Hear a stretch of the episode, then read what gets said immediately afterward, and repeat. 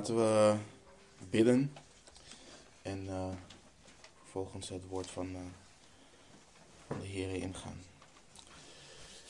Onze Vader in de hemel, we danken u, Vader. We danken u dat we uw woord mogen openen. We danken u, Heer, dat we u mogen aanbidden rondom uw woord, Heer. En we bidden voor het heiligende werk wat uw woord in onze levens doet, Heer. Vader, wilt u ons nogmaals, Heer, wilt u ons oren geven om te horen? Wilt u een hart geven om te ontvangen, Heer? En als wij de schrift ingaan, ook ogen om te zien, om te lezen, Heer. Vader, we hebben dit zo nodig. We hebben het zo nodig dat u spreekt door uw woord. En dat we groeien in eerbiedig ontzag voor u en in gehoorzaamheid, Heer. We loven u, we danken u, we prijzen u in Jezus' naam. Amen. Vorige week zondag zijn we begonnen met de introductie uh, Bijbelse mannelijkheid en vrouwelijkheid. En uh, zoals jullie gewoon gewend zijn, we gaan gewoon verder met onze serie. Um, we hebben vanuit zowel Genesis 1 als Genesis 2 en andere teksten gezien hoe mannen en vrouwen wat betreft schepping, wat betreft creatie, uh, gelijk zijn. Uh, zowel mannen als vrouwen zijn geschapen naar het beeld, naar de gelijkenis van de Heere God. Dat houdt in dat beiden gelijk zijn in waardigheid. Wat betreft de schepping zijn ze gelijk aan elkaar. We zagen dat man en vrouw ook gelijk aan elkaar zijn wat betreft verlossing. Het kruis discrimineert niet. Um, geen van beiden heeft minder of meer recht op verlossing. Beiden zijn gevallen en beiden hebben verlossing nodig. Maar tegelijkertijd hebben we gezien. Staat hij te hard trouwens? Nee, is goed? Oké. Tegelijkertijd hebben we gezien dat man en vrouw fundamenteel verschillend zijn in hoe ze geschapen zijn. Uh, lichamelijk gezien, fysiek gezien, zijn man en vrouw fundamenteel anders. De Heere God heeft de vrouw zo geschapen dat zij lichamelijk gezien bijvoorbeeld het vermogen heeft om zwanger te worden, een kind te dragen, dat kind te baren en zelfs voeden en verzorgen. Een man is niet op deze wijze geschapen, wat men tegenwoordig ook zegt. Een man is niet zo geschapen. Er is geen man op deze aardbol die zwanger kan raken. Geen man.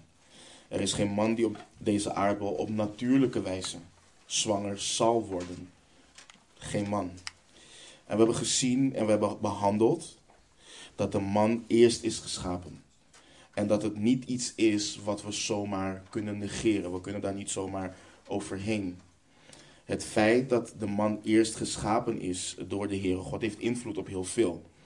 Uh, onder andere in Genesis 2 en in Genesis 3, uh, in 1 Timotheus 2 en 1 Korinthe 11 zien we duidelijk dat de Heere God de man hoofdschap heeft gegeven. De man heeft hoofdschap. De man is door de Heere God aangesteld als leider en dient dus zijn verantwoordelijkheid als leider op te nemen en wordt ook verantwoordelijk gehouden voor hoe hij zijn hoofdschap vervult. Ik heb jullie vorige week een definitie gegeven van bijbelse mannelijkheid. Die definitie is niet toereikend, maar het is een goede om te gebruiken om in de basis te zien en te weten wat houdt bijbelse mannelijkheid in. Voor de dames, de komende weken zitten we, gaan we het over de mannen hebben. Dit is ook essentieel voor jullie allemaal. Dit is essentieel voor vrouwen ook. Maar bijbelse mannelijkheid is in de kern je door God gegeven verantwoordelijkheid als man nemen om gedreven door goddelijke liefde te leiden, te voorzien en om te beschermen op een wijze waarop de vrouw die de helper is haar eer ontvangt en haar door God gegeven rol in waardigheid kan vervullen tot eer en glorie van de levende God. Vanaf vandaag gaan we dus meerdere weken kijken naar bijbelse mannelijkheid. En mensen, dit is, dit is echt, echt nodig vandaag de dag. Dit is zo hard nodig. Er wordt als je goed om je heen kijkt, er wordt over veel, vele crisissen hier in het Westen gesproken. En ik hoef ze niet allemaal op te noemen. Maar in de kern, in de kern van al deze crisis, crisissen ligt een fundamentele crisis. En dat is een overvloed aan zwakke, incompetente mannen met een identiteitscrisis die de Heere God niet vrezen en niet weten wat hun door God gegeven verantwoordelijkheid is als man. Dat ligt hier in de kern. En ik heb het al eerder in deze serie gezegd, en het gaat vaker terugkomen. Het huis is de hoeksteen van de samenleving. Als je zwakke, incompetente mannen hebt, zullen die zwakke, incompetente gezinnen voortbrengen. Die gezinnen vormen de samenleving of maatschappij. En die mensen zullen de cultuur, normen en waarden vormen. Waarin wij vandaag de dag leven. Denk daar goed over na. Het huis is de hoeksteen van de samenleving. En we hebben bijvoorbeeld de afgelopen tijd, hè, we hebben een tekort aan heel veel dingen gezien. Tijdens de coronaperiode hadden we een tekort aan toiletpapier op de een of andere manier. Met de oorlog in Oekraïne problemen met gas en olie. Een tekort aan graan en ga zo maar door. Maar waar een structureel tekort aan is, is mannelijkheid. Mannen. En ik heb het niet over die zogenaamde macho-gasten die bier zuipen, zichzelf op hun borst slaan, de hele dag in de sportschool staan en opscheppen over hun avonturen met vrouwen, auto's, hun mancaves en al die dingen. We hebben het niet over mannen zoals Lamech in Genesis 4, die we vandaag de dag nog steeds zien. Mannen die zichzelf wreken en opscheppen over hun vechtpartijen met andere mannen. Dat zijn jongetjes met het lichaam van volgroeide mannen. Dat is wat zij zijn. Dat zijn geen mannen. Dat zijn geen echte mannen. Maar we hebben het ook niet over wat de wereld ons vandaag de dag voorschotelt. Mannen die zogenaamd in contact staan met hun vrouwelijke kant. Ik weet, ik weet bij God niet wat dat betekent. Ehm, eh, dat is de andere kant van de dwaasheid die ons wordt voorgeschoteld.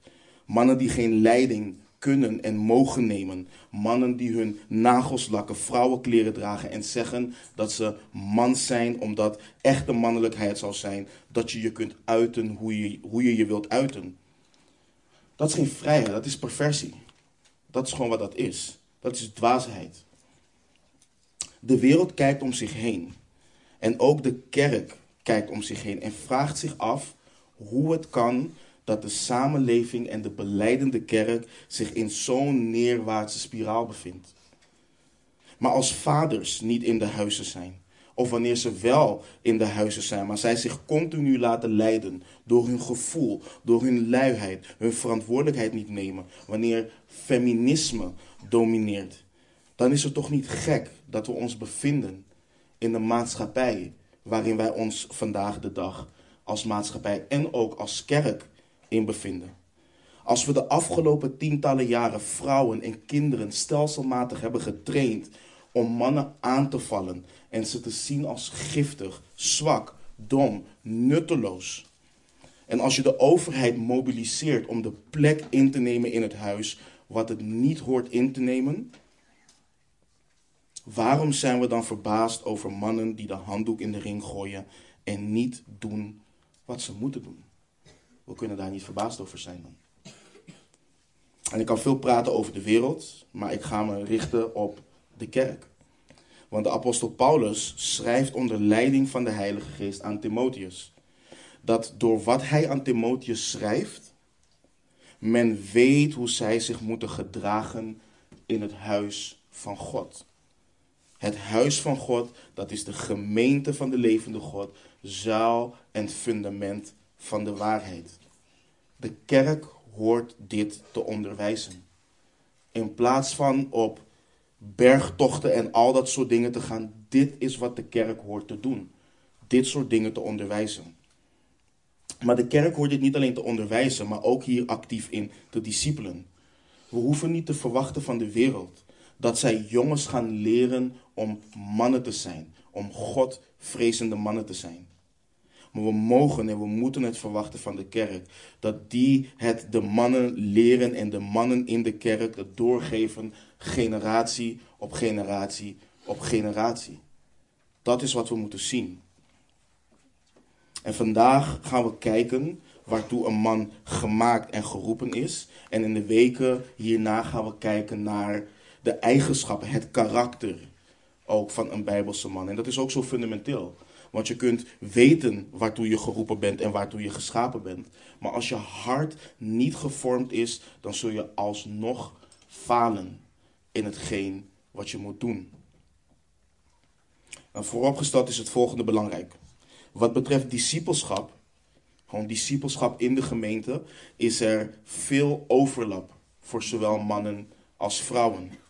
Zoals ik net al zei, er is geen verschil voor man en vrouw op het gebied van zaligmaking.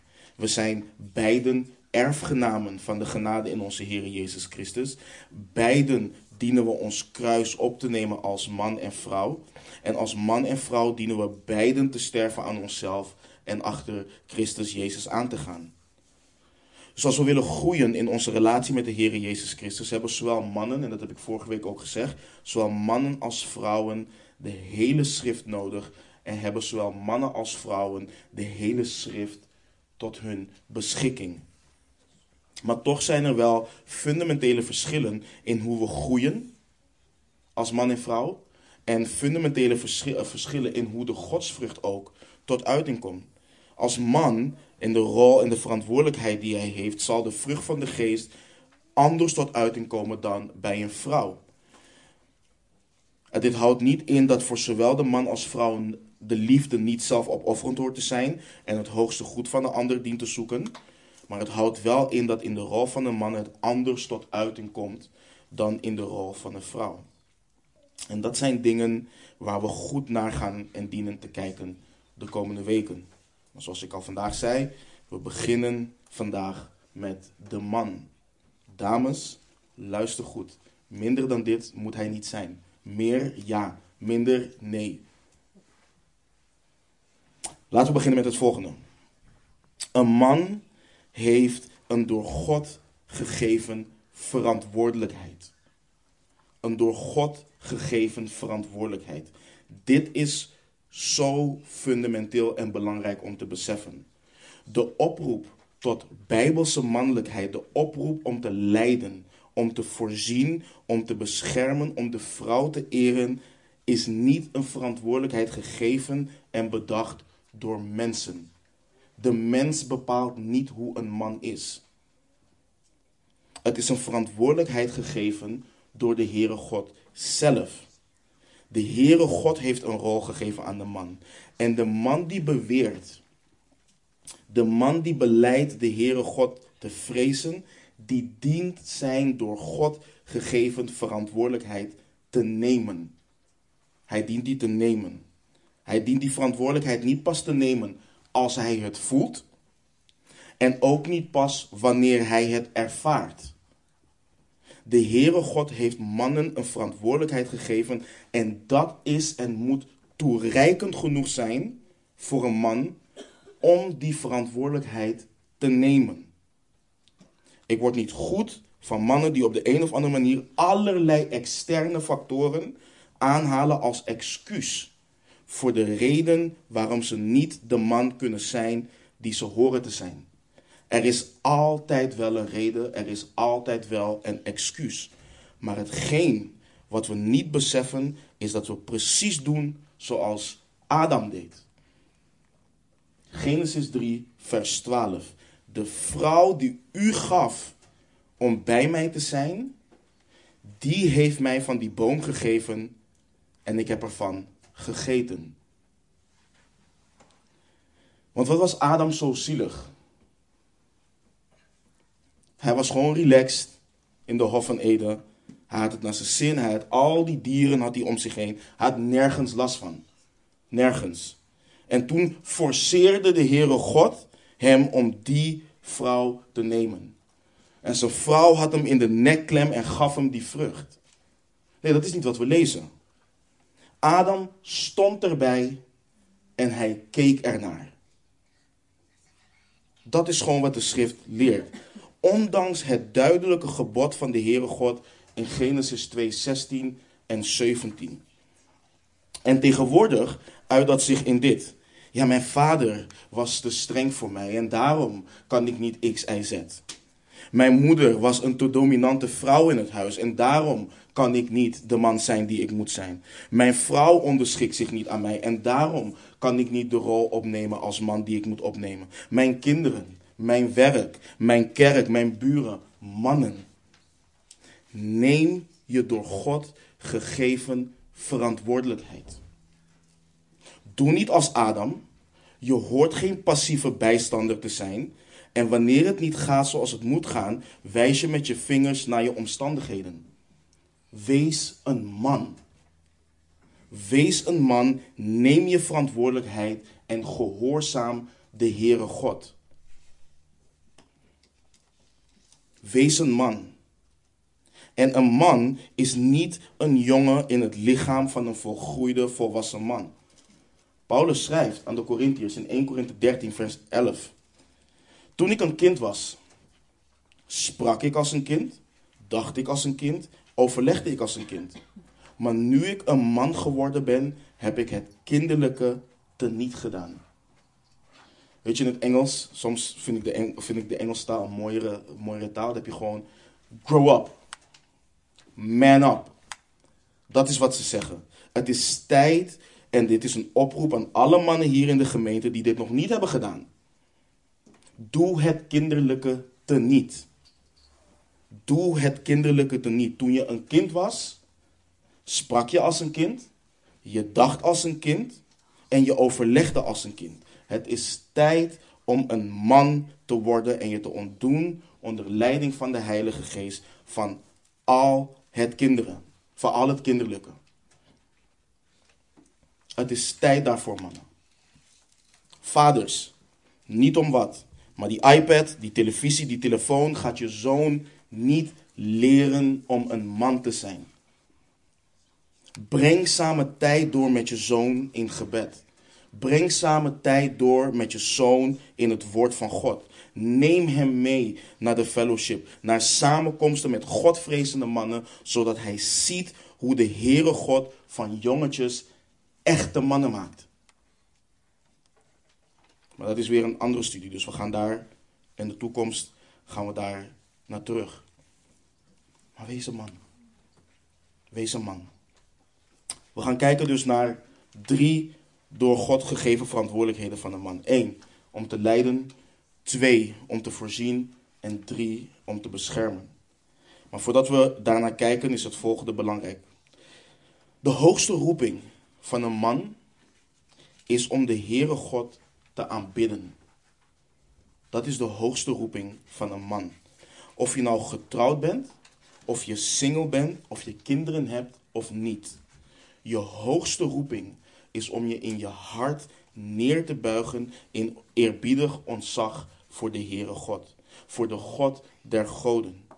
We hebben daar een taal van voorbeelden van. In het, vanaf het Oude Testament tot aan het Nieuwe Testament. We gaan niet stilstaan bij allemaal, maar kijk naar een paar prachtige voorbeelden. Genesis 4. Abel. Dat is een aanbiddende man. Dat is een man van aanbidding.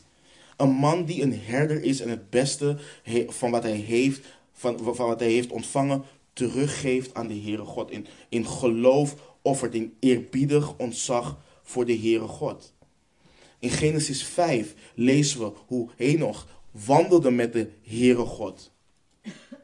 In Genesis 6 zien we hoe Noach te midden van een verdorven geslacht rechtvaardig wandelt voor de Heere God. Te midden van een verdorven aarde en aarde vol met geweld. Wat is ons excuus? Als mannen, als beleidende discipelen van de Heere Jezus Christus. Wat is ons excuus? In Genesis 12 lees je hoe Abraham geroepen wordt door de Heere God om alles achter zich te laten. Alles. Hij moest uit zijn land, uit zijn familiekring, uit het huis van zijn vader naar het land wat de Heere God hem zou wijzen.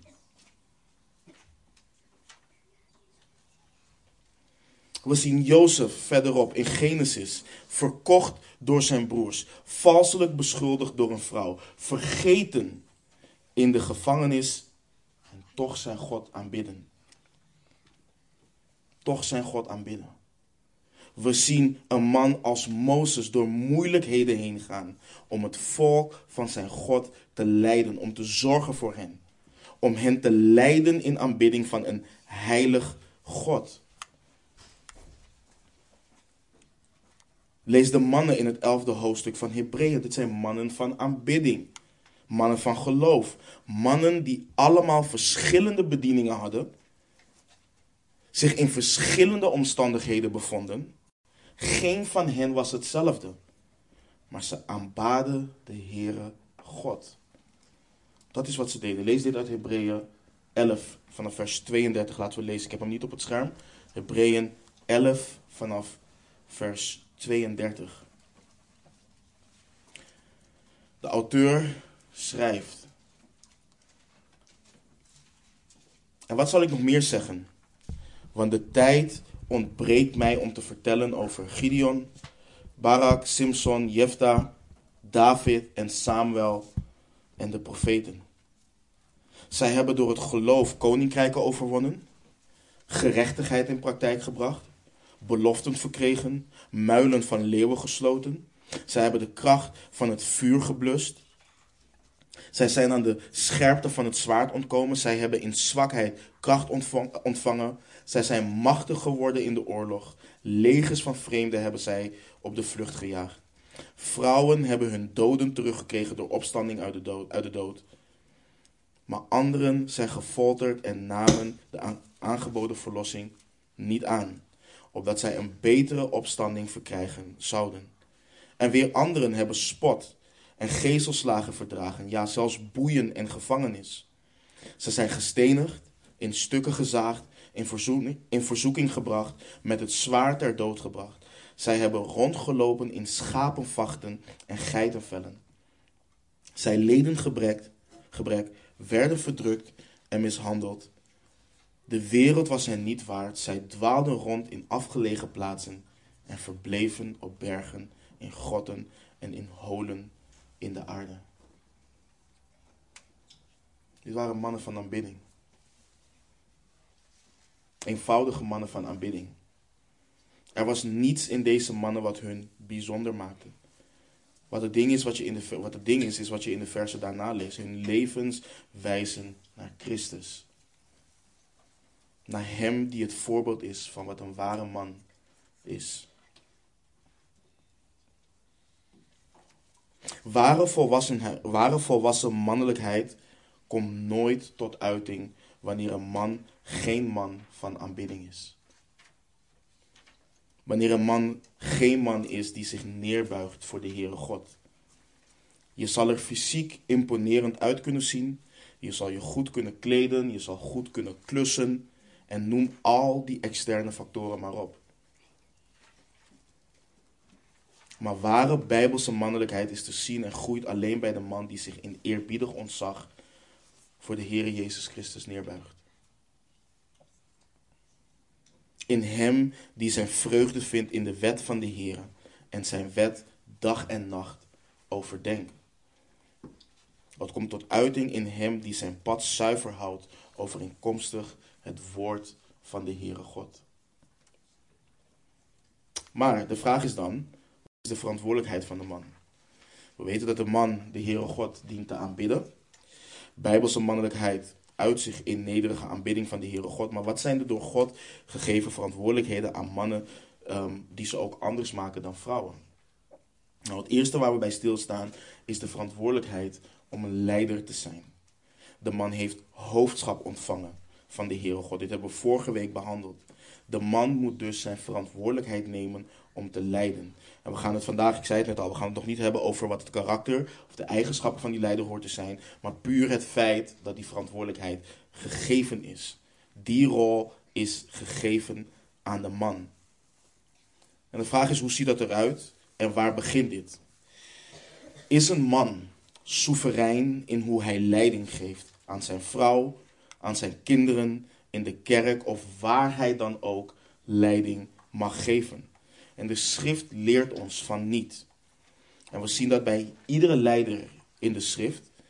En wat belangrijk voor iedere man om te weten hier is dit. En ook voor de vrouwen.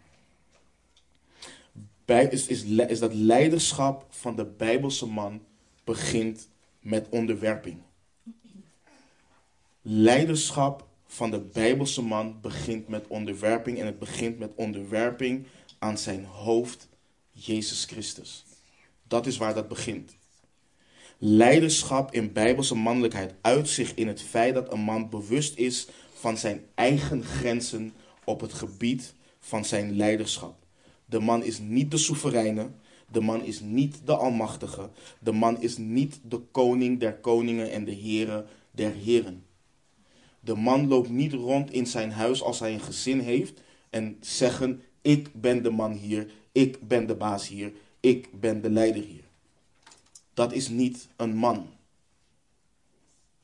Er is maar één die alle autoriteit heeft. En we lezen onder andere in Matthäus 28, 18 wie dat is. De Heer Jezus kwam naar zijn discipelen toe, sprak met hen en zei: Mij is gegeven alle macht in de hemel of in hemel en op aarde. Mij is gegeven alle macht in hemel en op aarde, ook in al onze huizen. Hij heeft de macht daar. Als mannen die de verantwoordelijkheid hebben om leiding te geven, moeten we onthouden dat ieder aspect van ons leven, iedere seconde dat we ons in deze rol bevinden hier op aarde, het gedaan moet worden, moet worden in de onderwerping aan de Heere Jezus Christus. Hij is de ware leider. Hier begint leiderschap. Een man die zich niet onderwerpt aan zijn hoofd, een man die zich niet onderwerpt aan Christus, zal nooit op een godverheerlijkende manier leiding kunnen geven. Thuis niet, op het werk niet, in de kerk niet, nergens en nooit. De wereld denkt van wel. En je hebt allerlei leiderschapboeken en al dat soort dingen. Maar je zal nooit op een godverheerlijkende manier leiding geven.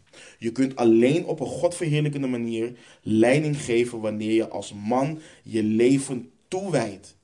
Om Christus lief te hebben, om Hem te dienen, om Hem te gehoorzamen, om Hem te aanbidden.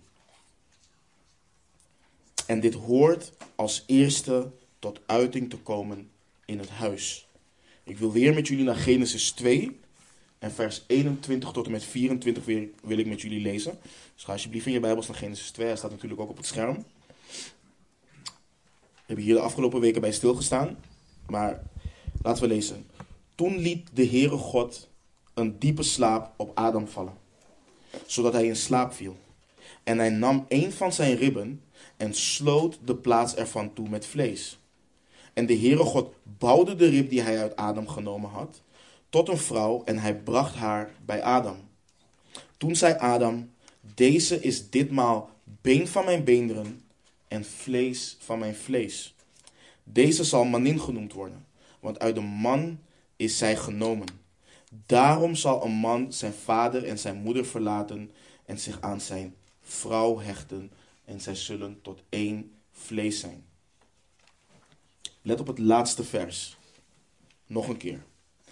Daarom zal een man zijn vader en zijn moeder verlaten en zich hechten en zich aan zijn vrouw hechten en zij zullen tot één vlees zijn. In het plan van de Heere God was het dit. Een man verlaat zijn vader en zijn moeder. Hij verlaat zijn ouderlijk huis waarin hij is opgegroeid. Waarin hij heeft geleefd onder zijn vader als hoofd van het gezin. Hij hecht zich aan zijn vrouw en zij zullen tot één vlees zijn. Een man trouwt, ze worden een nieuw gezin. In dat gezin is hij het hoofd en dient hij dat gezin te leiden, dient hij te voorzien en dient hij te beschermen. En waarom kaart ik dit aan? We komen pas over een aantal weken bij ouderschap, bij vaderschap, maar ik kan hier niet overheen. Vaders met zonen. toekomstige vaders, opa's, ooms, neven. Net zoals jullie jullie aandacht steken in het onderwijs van jullie zonen, de school, in buitenschoolse activiteiten van jullie zonen, dienen jullie jullie zonen voor te bereiden op het feit dat ze een dag zullen gaan trouwen en dus leiders moeten zijn van hun gezin. Er komt een dag dat je zoon jou en je vrouw verlaat, zich hecht aan zijn vrouw en zij zullen tot één vlees zijn. Jongens moeten voorbereid en opgevoed worden om te kunnen leiden. Dat is onderdeel van hun door de Heere God gegeven verantwoordelijkheid. En we leven in een omgekeerde wereld. We leren jongens en bereiden ze voor vanaf jongs af aan om hun best te doen op school. We leren ze om wellicht managers, directeurs te worden, om aanvoerders te worden van hun sportteam. We bereiden ze voor op iedere, uh, iedere mogelijke rol waarin ze terecht zullen komen, iedere mogelijke verantwoordelijkheid die ze zullen hebben in de samenleving, behalve om een man te zijn die zal trouwen, een gezin zal krijgen en die moet leiden. Kennen we deze gesprekken niet? Straks ga je naar school. Je moet nu al leren X, Y, Z. Gesprekken beginnen al wanneer de kinderen wat drie jaar zijn. Beginnen die gesprekken al. Straks ga je naar de middelbare school. Je moet nu al leren X, Y, Z te doen. Je moet je nu al daarop voorbereiden. Straks heb je een baan. Straks ga je ook werken. Je moet nu al leren om X, Y, Z te doen. En wat we tegen onze jongens moeten zeggen is: straks zul je de man van een vrouw worden, net zoals papa dat nu is. En net zoals papa moet je straks de verantwoordelijkheid gaan nemen die de Heere God je heeft gegeven. Je gaat je vrouw moeten leiden. Je gaat keuzes moeten maken die gebaseerd zijn op je liefde voor de Heere God en voor je gezin. Daarom leert papa je nu al X, Y, Z.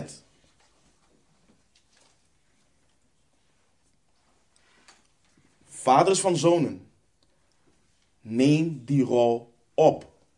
Neem die verantwoordelijkheid. Belangrijk om te onthouden. Dit is even een sidestep, maar dit is wel belangrijk om te onthouden wat hoofdschap betreft. Dit is ook iets wat iedere man moet weten. Adam was niet het hoofd van iedere vrouw. Hij was niet het hoofd van iedere vrouw. Hij was het hoofd van zijn vrouw. De vrouw die de Heere God hem gegeven heeft. Niet omdat mannen zijn geroepen om te lijden, houdt het in dat een man hoofdschap heeft over iedere vrouw. Dat is niet zo.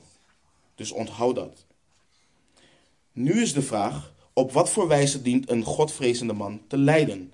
Hoe komt leiding geven wat betreft bijbelse mannelijkheid tot uiting? Wat domineert daarin? Een man wordt gedreven door goddelijke liefde. Goddelijke liefde te leiden. Bijbelse mannelijkheid uit zich niet in heerschappij, maar in dienstbaarheid. Niet in heerschappij, maar in dienstbaarheid. In Lucas 22 heeft de Heere Jezus het op een gegeven moment over hoe koningen heersen. En dan lezen we in vers 26 het volgende. Bij u echter moet dat zo niet zijn. Maar de belangrijkste onder u moet als de jongste worden en wie leiding geeft als iemand die dient. Onze Heer Jezus is hier het ultieme voorbeeld. Willen we bijbelse mannen zijn en willen we leren hoe we leiding horen te geven, dan dienen we niet te kijken naar onze politieke leiders, de super- en actiehelden op televisie en zeker niet naar de rappers van deze wereld. We dienen te kijken naar Hem die niet is gekomen om gediend te worden, maar om te dienen. Naar Hem dienen we te kijken. Naar Hem die zijn leven als een losprijs heeft gegeven. En daarnaast dienen we ook te kijken en te leren van de godvrezende mannen die ons voor zijn gegaan hierin. We dienen te kijken naar hen die alles hebben achtergelaten voor de leidsman en voleinder van hun geloof. Ik zei het net al. Een man die op zijn borst klopt en roept dat hij de leider is en als een tiran door het leven gaat, heeft niet begrepen wat het betekent om een leider te zijn. De Heer Jezus Christus heeft zichzelf gegeven. Hij heeft op zelfopofferende wijze lief gehad. En dat is het voorbeeld wat iedere man dient na te volgen. We dienen het zo te zien. De kerk, de gemeente is gezegend met Jezus Christus als haar hoofd. We jammeren niet, we zeuren niet en we klagen niet onder zijn soevereine leiderschap. We genieten van Hem die actief leiding geeft en ons heeft getrokken uit de schaduw van de dood. We dwalen niet meer, dankzij en onder Hem. En zo dient een huis ook gezegend te zijn door een man als het hoofd. Een huis hoort niet te dwalen. Het hoort niet te jammeren, zeuren en klagen onder het leiderschap van de man. Het hoort juist te groeien. Het hoort juist vreugdevol te zijn en Jezus Christus daar doorheen te zien. Wat is nog meer de door God gegeven verantwoordelijkheid van de man? Om te voorzien. Een man hoort te voorzien. Voorzien in zijn eigen noden en voor hen die zich onder zijn zorg bevinden. In Genesis 2, vers 15 zien we het volgende. De Heere God nam de mens, hij nam de man, en zette hem in de hof van Eden om die te bewerken en te onderhouden. God nam de mens en zette hem in de hof van Eden om die te bewerken en te onderhouden. We hebben het hier vaker over gehad. Een man hoort te werken. Een van de manieren waarop een man zou heersen over de aarde, is door de aarde te bewerken en te onderhouden. Wat de Heere God heeft, gemaakt heeft. Een man die beleidt Christus na te volgen, maar die lui is om te werken, of te trots is om te werken en dus ook weigert om te werken, is geen man die de Heere God gehoorzaamt. Onthoud dat Genesis 2, vers 15 voor de val is. Het is voor de val. Een godvrezende man, een bijbelse mannelijkheid, uit zich onder andere ook in een man met een goede houding wat betreft werk. De apostel Paulus schreef van de Thessalonicense ook, in 2 Thessalonicense 3, vers 10. Want ook toen wij bij u waren, bevalen wij u dit.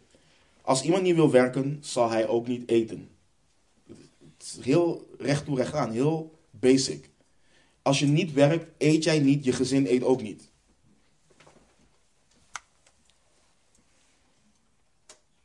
Een man dient werk niet als een last te zien, maar een manier waarop hij de Heere God eert, die hem de verantwoordelijkheid heeft gegeven om op deze manier te voorzien. Maar een man voorziet niet uh, alleen in de fysieke noden, maar ook in de geestelijke noden die hij heeft en de mensen die zich onder zijn zorg bevinden. Momenteel, momenteel ga ik um, thuis met mijn dochters door Psalm 119 en je ziet daarin zo prachtig hoe de psalmist zijn geestelijke noden uh, erkent en hoe hij het woord van de Heere God nodig heeft. Zijn verordeningen, zijn getuigenissen, zijn bepalingen zijn de bron van blijdschap voor hem. En het zijn hetgeen wat de psalmist rust geeft voor zijn ziel. Al zijn fysieke problemen, je ziet het terug in heel Psalm 119, kan hij alleen het hoofd bieden door geestelijk sterk te zijn. Dit is iemand die zijn geestelijke noden inziet en daar dus ook in voorziet. Het is geen man die jammert. En hetzelfde geldt ook voor de man die het voorrecht heeft om getrouwd te zijn en kinderen te hebben. Zoals we in Efeze 5 leren, dient de man te voorzien in de geestelijke noden van zijn vrouw. Dit houdt niet in dat een vrouw niet zelf haar Bijbel dient te lezen, niet zelf dient te bidden, maar het leert in dat een man zijn vrouw structureel dient door, voor, door haar voor te gaan in het woord van de Heer en door haar voor te gaan in het gebed. Een man die dit verzaakt, neemt zijn door God gegeven verantwoordelijkheid op om te voorz- eh, niet op om te voorzien in hetgeen wat zijn vrouw nodig heeft. En broeders, begrijp me alsjeblieft goed. Je vrouw heeft dit nodig. Ze heeft dit nodig. Dit is geen optie, dit is geen luxe, dit is niet iets wat je doet wanneer je het voelt. Dit moet je doen. Je moet dit doen. Net zoals Christus voor zijn gemeente zorgt, dien jij geestelijk te uh, zorgen voor je vrouw. Dit is een noodzaak. Hetzelfde geldt voor de kinderen, lezen we in, in Efeze 6, vers 4. Vaders, wek geen toorn bij uw kinderen op, maar voed hen op in de onderwijzing en de terechtwijzing van de Heer. Lees je spreuken, dan zie je de last van een vader om zijn zoon te onderwijzen. Zo diep zit dat bij Salomo. En hij heeft het over alles met Salomo. Of met zijn zoon.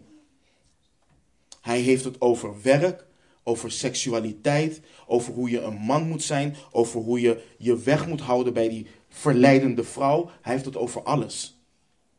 En wij tegenwoordig in het Westen, wij hebben zoiets van, ja, weet je, pas als die jongen 15 of 16 is, of als hij met vragen naar me toe komt, dan ga ik het hem leren luisteren.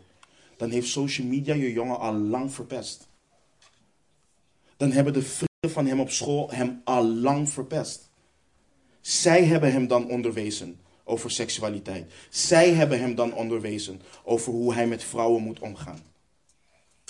Jij moet dat doen als vader, vanaf jongs af aan. Dit is de verantwoordelijkheid van een vader. En als je Efeze 6, vers 4 goed leest, en als je Efeze 5 goed leest, dan gaat dit dwars tegen de wereldse gedachten die ook de kerk is ingeslopen. Mannen moeten puur en alleen het geld binnenbrengen en laat het verzorgen maar over aan de vrouwen. Maar in Efeze 6 zie je de verzorging en opvoeding van het kind in de Here bij de man. In Efeze 5 zie je dat ook weer in relatie tot de vrouw. Het zorgen en koesteren van, het zorgen voor en koesteren van is iets wat een man ook dient te doen. Niet alleen de vrouw. Dat is onderdeel van het geestelijk en emotioneel voorzien in de noden van hen die onder je zorg zijn. Dus de man heeft de verantwoordelijkheid om te voorzien. De man heeft ook de verantwoordelijkheid om te beschermen, om te waken over. In Genesis 2:15, wat we net zo, of wat we zojuist lazen, wordt het woord onderhouden ook wel vertaald of gebruikt in het Hebreeuws als beschermen of op de hoede zijn. En we zien dit onder andere in Genesis 30, vers 31 of Genesis 31, vers 29. En je ziet dat Adam hierin gefaald heeft. De, de slang komt naar zijn vrouw, zoals we net ook zagen, als we de tekst zien, hoe de vrouw aan haar man gaf met haar, dan zie je gewoon dat Adam daar gewoon in de buurt was. Hij greep niet in. Nogmaals, hij stond erbij, hij keek ernaar. Een man dient toe te zien op zichzelf. Hij dient op de hoede te zijn en gevaar te ontvluchten. Hij hoort zichzelf niet in een positie te plaatsen waarin hij kan struikelen en of vallen. En als hij in, de, in het buurt is van gevaar, dan dient hij daarvan weg te vluchten of zichzelf daartegen te bewapenen. Denk aan Jozef, die wegvlucht voor de vrouw van Potifar. Denk aan Daniel en zijn vrienden die zich bewapenen ten tijde van hun ballingschap. Een godvrezende man ontvlucht gevaar of bewapent zich tegen het gevaar, geestelijk. En een godvrezende man dient zichzelf ook niet in een positie te plaatsen waarin hij een struikelblok is die anderen doet struikelen en of vallen. Hij moet onberispelijk zijn. Niets op hem aan te merken. Nu, als een man gezegend is met een vrouw en kinderen, dient hij ervoor te zorgen dat zijn vrouw en kinderen zowel fysiek als geestelijk beschermd zijn. Hij dient te staan als een schild voor zijn gezin. Hij dient bereid te zijn zijn leven neer te leggen voor zijn vrouw en voor zijn kinderen, zoals de Heer Jezus Christus zijn leven gaf voor zijn bruid. Geestelijk gezien zie je ook hoe de Heer Jezus voorziet voor zijn bruid. In Efeze 4 lezen we waarom hij herders en leraars heeft gegeven. Je ziet in de brieven aan Timotheus en aan Titus hoe hij zijn bruid geestelijk wil beschermen. Je ziet dit in iedere brief. En ook zo hoort een man zijn vrouw en kinderen geestelijk te beschermen. Je kunt niet de houding hebben. Ik zorg wel voor mezelf en mijn vrouw en kinderen dienen zelf te kijken hoe ze omgaan met hun tijd, hoe ze omgaan met hun hart en wat ze daarin toelaten. Nee, jij als man dient daarin en daarover te waken. Waar laten je vrouw en je kinderen zich mee in? Waar gaat hun tijd naartoe? En als het dus om zowel voorzien en beschermen gaat, dien je opmerkzaam te zijn als een man. Je dient alert te zijn. Wat speelt er? Wat gebeurt er in mijn huis? Wat zijn de noden van de mensen die soeverein door de Here onder mijn zorg zijn geplaatst? Mannen, kennen jullie de zorgen van jullie vrouw? Kennen jullie de angsten van jullie vrouw? Praten jullie met jullie vrouw en weten jullie wat er door je vrouw heen gaat en wat ze geestelijk nodig heeft om daartegen bestand te zijn? En kom niet met dat ding van ja, nee, ik ben geen prater. Nee, nee, nee, nee, nee. Doe dat niet. Doe dat niet. Kom niet met dat ding van ja, nee, maar ik zie die dingen niet. Doe het niet. Je hebt de verantwoordelijkheid. Het is je taak om alert te zijn in je huis en om te zien wat er speelt daar. Je kunt niet leven voor jezelf en denken aan jezelf en niet weten wat er in je huis, uh, in je huis afspeelt. En als je die man bent die zegt, ja, ik luister, ik zie het echt niet.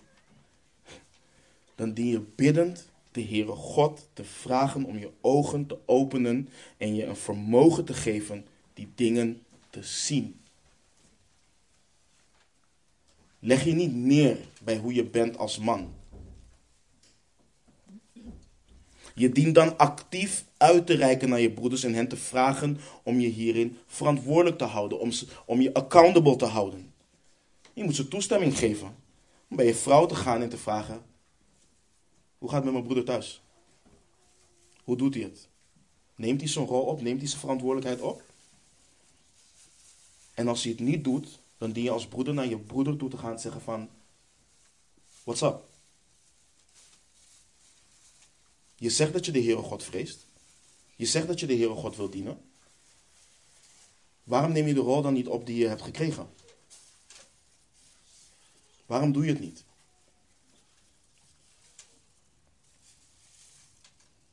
Weet je, wij als mannen denken altijd, vaak, laat me het zeggen vaak.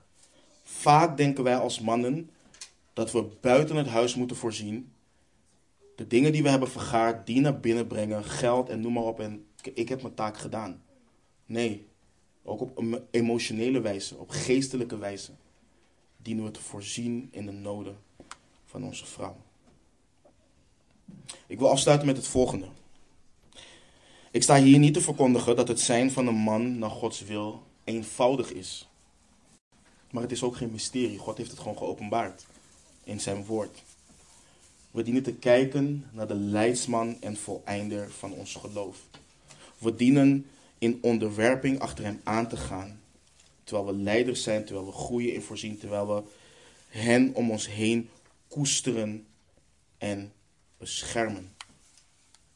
Nu is mijn vraag. De vraag die reist voor iedere man is dit. Ga je gehoorzamen?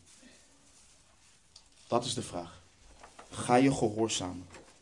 Hoor je het woord van de Heere God en ben je ook een dader? Bekeer je je van je wegen, neem je je kruis op en volg je hem volledig. Of ga je in een hoekje zitten en met je vinger naar externe factoren lopen wijzen en klagen. En mannen, als je moeite hebt hiermee, wees man genoeg om naar je broeders toe te gaan en zeggen: Ik heb hier hulp in nodig. Dat, dit is discipelschap. Dit is het leven van de gemeente. Het is makkelijk om hier zondag te komen, om woensdag te komen, met elkaar te praten en zeggen: Ja, het gaat goed en alle dingen gaan goed. En we praten over doctrine en theologie en al die dingen. Maar we kunnen niet in elkaars leven spreken en gewoon zeggen: van ik faal hier gruwelijk in. En ik heb hulp nodig. Of het aannemen wanneer een broeder naar je toe komt en zegt: Je faalt hier gruwelijk in. En je hebt hulp nodig.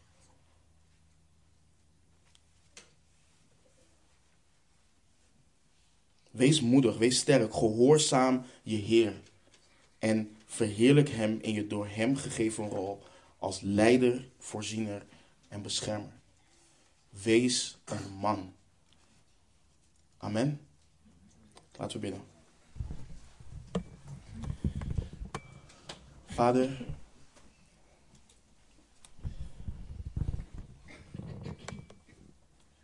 we kijken naar Hem de leidsman en voleinder van ons geloof. Hij die de leider is. Hij die voorziet in al onze noden. En ons beschermt, Heer. Terwijl we als vreemdelingen door dit leven heen gaan hier op aarde. Vader, het kan confronterend zijn, het kan pijnlijk zijn, het kan niet leuk zijn, vleeselijk gezien, om deze dingen te horen. Maar Heer, we hebben het nodig om deze dingen te horen. En ik bid u, Vader, en ik vraag u om ons als mannen toe te rusten. De rol en de verantwoordelijkheden die u ons hebt gegeven, Heer. Dat we hier niet lichtzinnig mee omgaan. Maar dat we zien, Heer, dat u, dat we zien, Heer, dat u hierover hebt gesproken. En dat u uw wil kenbaar hebt gemaakt wat betreft deze dingen. Rust ons alstublieft toe.